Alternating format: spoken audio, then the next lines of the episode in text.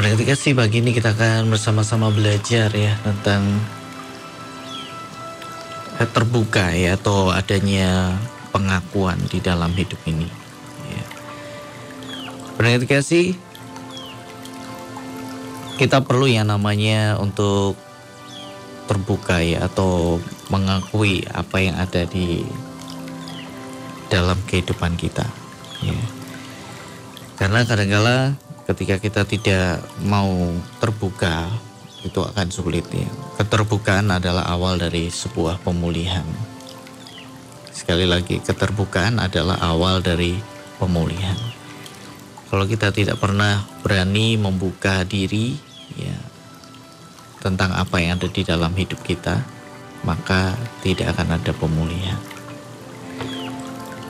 Berarti kasih ya banyak orang yang ketika datang ke dokter ternyata mereka banyak yang bohong, membohongi dokter ya. Jadi dokter-dokter ini sering dibohongi oleh pasien yang datang dengan dikasih.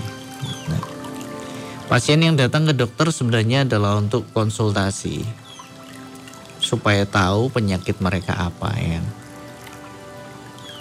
Tapi banyak juga kasih pasien yang tidak mau jujur ketika ditanya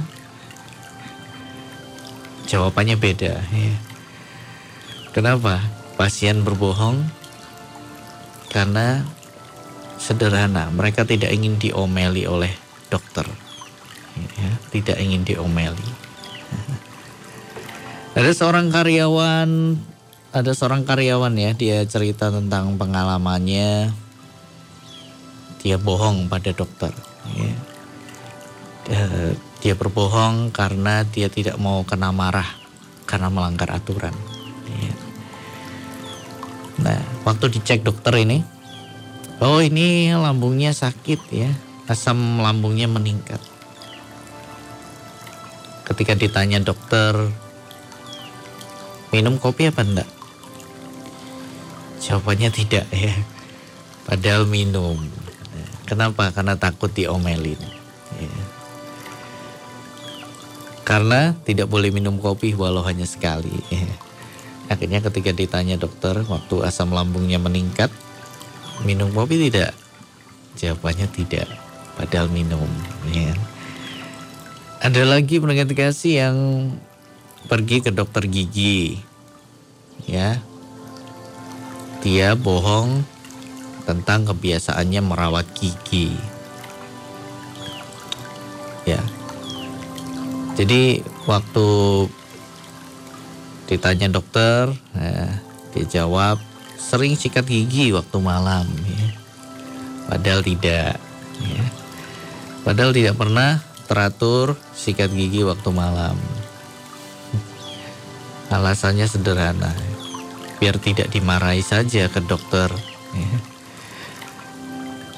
Biar tidak dimarahi saja ke dokter kok pas sakit gigi saja katanya. Ada lagi yang lain berintegrasi? Tiap dia mengaku pernah bohong ke dokter ya. Ya. Karena tujuannya adalah untuk ya, untuk mencari tahu penyakitnya. Ya. Ada yang mengaku tidak pernah berbohong juga, kasih kepada dokter. Ya, tetapi dari sebuah penelitian kasih sebanyak 80% pasien ini membohongi dokter. Ya. Ini sebuah penelitian yang dilakukan uh, pada 4.000 orang ya. Penelitian yang dilakukan sebuah universitas ya dan ini dilakukan pada sekitar 4.000 orang. Nah, dan luar biasanya kebanyakan dari orang-orang itu berbohong kasih tidak jujur ketika ditanya oleh dokter ya. nah ini yang membuat akhirnya dokter tidak bisa memberikan sesuatu yang pas ya untuk mengatasi ya permasalahan yang sedang kita alami atau sakit yang sedang kita alami. Ya. Banyak pasien yang berbohong ketika ditanya tentang kebiasaan, gaya hidup, rutin rutinitas olahraga, pola makan, merokok atau tidak, konsumsi alkohol atau tidak. Ya. Mereka menghindari diceramahi, dihakimi. Ya. Mereka malu untuk mengatakan yang sebenarnya. Nah, jadi alasan kenapa orang terbuka takut untuk terbuka adalah ya tidak ingin diceramai, ya kan? Malu. Takut untuk dihakimi. Terima kasih. Nah. Jadi ini yang terjadi ternyata banyak juga. Apakah Anda salah satu orang yang pernah berbohong kepada dokter juga? Terima kasih. Coba diingat-ingat ya. Ya. Kalau tidak mau terbuka, bagaimana kita ini mau di mau jadi sembuh ya kan? Ya, sudah dilarang dokter makan ini, uh, tetap saja makan. Pas kontrol, ya, kok keadaannya tidak membaik. Apakah makan ini? Apakah makan makanan yang saya larang? Jawabannya tidak, padahal makan ya kan? Nah, itu akan memperlama proses penyembuhan, kasih. Nah, Tuhan adalah tabib yang ajaib, ya. Dia mencari orang yang terhilang, gitu kasih. Tuhan mengasihi orang yang berdosa, tapi dia dia sangat menentang dosa, tapi dia mencintai orang yang berdosa. Dia adalah tabib dia adalah dokter di atas segala dokter banyak kasih ya. karena itu kita harus hidup terbuka kepada Tuhan. Tidak perlu takut dihakimi ya, tidak perlu takut tidak perlu malu waktu kita ini membuka diri kita di hadapan tabib yang ajaib itu. Terima kasih nah di dalam Amsal pendengar kasih di situ dituliskan Amsal pasal yang ke-28 ayat yang ke-13. Siapa menyembunyikan pelanggarannya tidak akan beruntung, tetapi siapa mengakuinya dan meninggalkannya akan disayangi. Jadi kalau kita menyembunyikan pelanggaran, ya, menyembunyikan itu adalah memberikan penutup ya, cover anda tahu sebuah buku, mereka dikasih buku yang isinya tidak bagus bisa kita beli karena kita lihat sampulnya yang bagus. Iya. Banyak dari kita yang tertipu dengan sampul buku yang bagus, apalagi buku itu di dikemas dalam plastik yang tertutup. Wah, sulit sekali. Kalau sudah buku seperti itu saya mau beli jadi ragu-ragu benar sih. Karena saya tidak bisa lihat dulu isinya seperti apa. Ya kan? Kalau dari covernya saja akan dilihat bagus sekali benar sih. Bagus sekali. Dan itu bisa mengecoh kita ya. Termasuk juga mengecoh saya. Ketika beli lihat covernya bagus sampulnya bagus gambarnya bagus warna-warni begitu dibuka ya sangat jauh dari harapan. Ya. Tapi saya akan lebih yakin e, membeli buku kalau saya bisa baca sekilas ya tentang e, apa isi di dalamnya. Nah, itu akan membuat kita ini ini harganya mahal ya sebanding tidak dengan dengan kualitas yang ada di dalamnya ya kan? Jadi mahal tidak apa-apa. Yang penting isinya benar-benar berkualitas. Ya. jadi orang yang menyembunyikan pelanggaran sama dengan menutupi hidup kita dengan sampul yang bagus. Sampul kalau buku punya sampul ya. Sampul buku ya yang bagian terluar dari buku itu. Kalau manusia sampulnya adalah penampilan ya kan yang terluar yang kita tampilkan. Nah, orang yang menyembunyikan pelanggaran sama dengan orang yang menampilkan uh, penampilan luar yang begitu memukau, ya. Padahal di dalamnya penuh dengan eh, hal-hal yang hal-hal yang perlu disembuhkan oleh Tuhan. Ya. Banyak orang yang di dalam ini sakit ya, manusia batiniahnya sakit, kasih terluka. Manusia batiniahnya perlu disembuhkan oleh Tuhan. Tetapi di luar kita menampilkan kita orang yang tidak apa-apa ya. Kita orang yang baik-baik saja. Tapi bagaimanapun Tuhan melihat kehidupan kita. Beringat kasih. Kita bisa menutupi dari manusia dengan penampilan ya. Tapi kita tidak bisa menyembunyikan dari Tuhan. Ya. Tuhan memberikan satu gambaran yang luar biasa. Bagian dalam tulang, bagian luar di labur putih itu adalah kuburan, ya kan? Dari luar begitu indah, apalagi kuburan zaman sekarang berarti kasih. Kuburan-kuburan di makam-makam China di sana, wah bagus-bagus. Iya jauh dari kesan takut ya karena terbuat dari marmer dibuat begitu asri ya di luar kita tidak takut ya di luar begitu indah tapi di dalam banyak tulang tulang belulang ya kan ya menyembunyikan pelanggaran juga bisa berarti bukan hanya memberikan cover penampilan tapi benar-benar menyembunyikan ya dosa kita, kesalahan kita, kebobrokan kita. Ya, kita sembunyikan dalam-dalam supaya orang tidak tahu. Menyembunyikan juga bisa berarti menutupi dengan pakaian. Menutupi dengan pakaian. Ya. Ditutupi dengan kain. Tetapi Tuhan melihat semuanya. Dia pernah mengecam ya ahli-ahli Taurat yang berjalan dengan pakaian kebesarannya ya kan tetapi di Tuhan melihat di dalamnya ya ada yang perlu dibetulkan dari ahli-ahli Taurat ini. Ya. mereka suka memakai jubah ya sehingga mereka dihormati.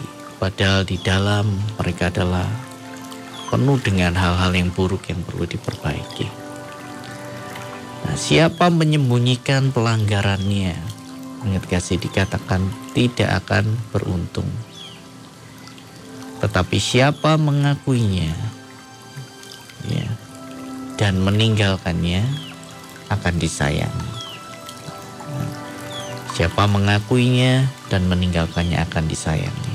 Jadi hari-hari ini berarti kasih mari kita hidup terbuka di hadapan Tuhan ya juga belajar terbuka kepada kehidupan yang ada di sekitar kita.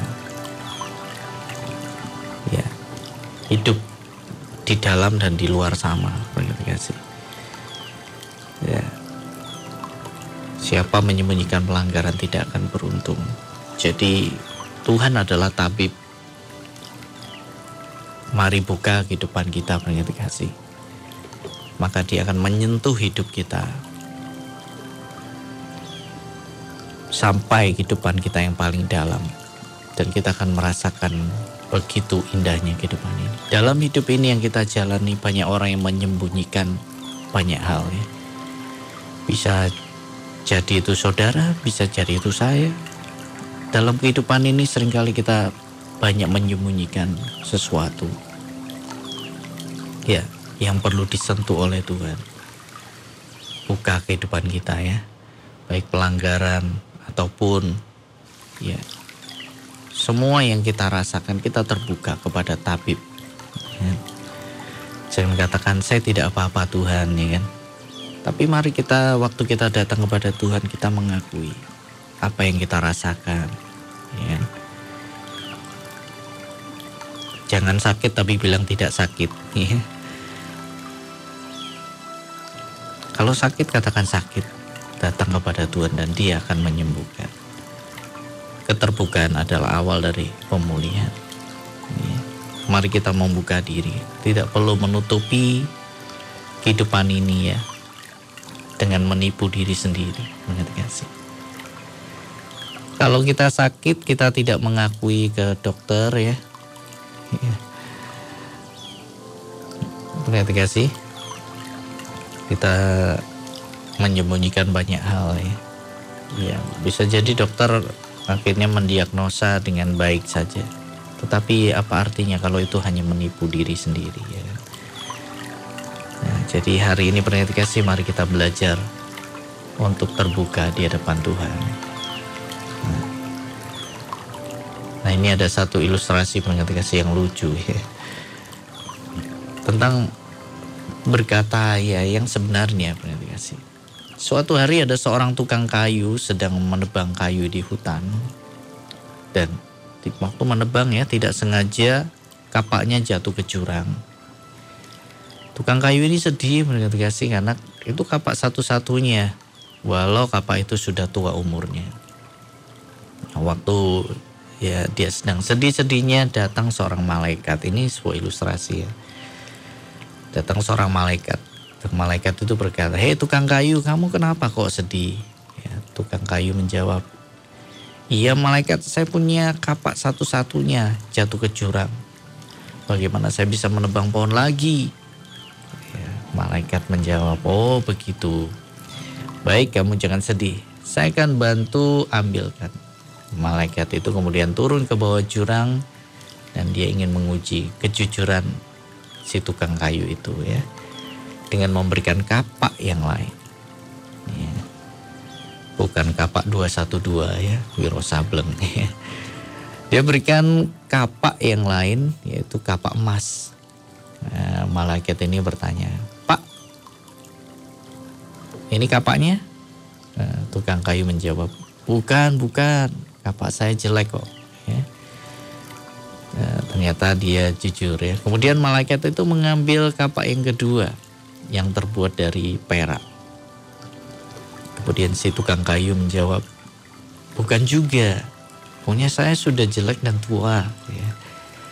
Malaikat itu senang ya karena tukang kayu ini jujur. Dan dia berkata, hei tukang kayu yang baik karena kamu jujur. Saya akan memberimu tiga kapak yang baru. Waktu dia pulang ke rumah, si tukang kayu cerita dengan istrinya. Besoknya si tukang kayu dan istrinya ke hutan untuk melihat tempat di mana dia bertemu dengan malaikat itu. Saking hebohnya, berarti kasih, wah saking senangnya ya heboh dengan cerita suaminya. Istrinya jatuh ke jurang. Si tukang kayu ini sedih. Kemudian malaikatnya datang lagi. Ya, malaikat berkata, loh, kamu kenapa kok sedih lagi? Apa kapakmu hilang lagi? Tukang kayu menjawab, tidak, tapi sekarang istri saya jatuh ke jurang. Saya sedih sekali karena dia istri satu-satunya. Kemudian malaikat itu membantu turun ke jurang untuk mencari istrinya.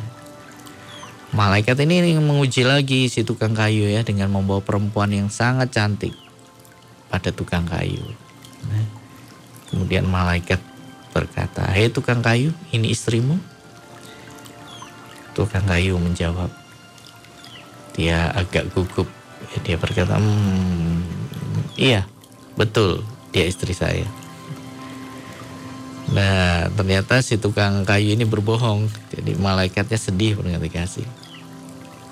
Malaikat berkata, oh kok kamu tidak jujur dan bohong pada saya. Ya. Tukang kayu membela diri. Ya. Iya soalnya kalau saya jujur nanti saya dikasih tiga istri lagi. ya, tapi itu adalah perkataan yang membela diri kasih. Jadi masalah kapak jujur, masalah istri, ini istrimu atau bukan tidak jujur kasih ya.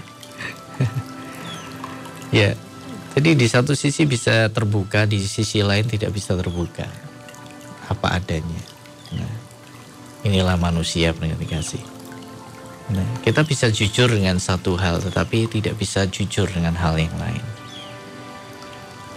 Kita bisa jujur di satu sisi tetapi kadangkala ada hal yang kita tidak bisa jujur di sisi yang lain. Mari kita belajar menjadi orang yang terbuka. Semuanya di hadapan Tuhan. Ya. Terima kasih. Dia tabib yang ajaib. Ya. Bukankah Tuhan tahu semua hati kita tanpa kita mengakui? Ya. Tapi Tuhan mau kejujuran kita, ya kan? Tuhan memang tahu, terima kasih.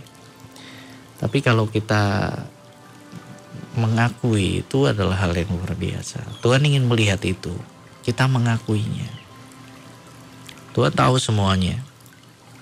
Kita tidak ngomong Tuhan mau menyembuhkan kehidupan kita, ya. kehidupan batin kita, ya. yang ada di dalam. Tuhan bisa, tetapi Tuhan mau kita mengakui. Ya. Ada satu hal yang indah di dalam sebuah pengakuan. Ya, kita menjadi pribadi yang terbuka di hadapan Tuhan.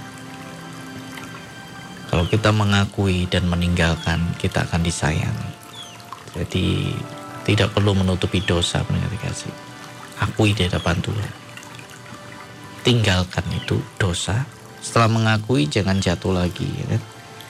Mengakui jatuh dosa lagi, mengakui sengaja berbuat lagi, mengakui sengaja. Itu namanya kita sedang bermain-main ya.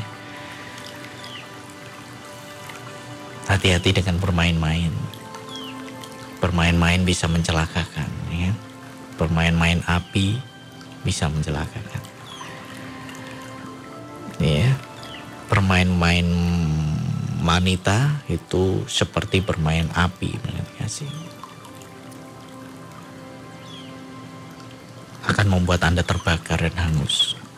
Ya. Bermain-main dosa, kenikmatan itu seperti api, akan menghanguskan, menghabiskan semuanya. Ya, saya sudah banyak mendengar kisah orang yang tidak setia dengan istrinya, main-main dengan wanita, hangus, ya. Termasuk hartanya, habis. Terima kasih. Kalau sudah begitu baru sadar sering kali. Ingat dengan istrinya yang setia. Nah, hari-hari ini berkat kasih, mari kita menjadi terbuka di hadapan Tuhan ya.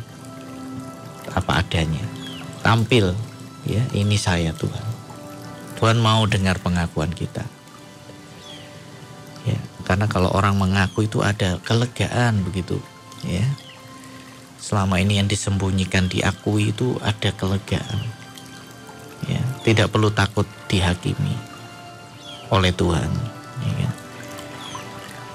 Ya, siapa mengakui dan meninggalkan akan disayangi. Jangan malu di hadapan Tuhan. Jangan malu, jangan takut dihakimi, jangan takut diomeli, ya kan? Biar Tuhan yang menyelidiki kehidupan kita.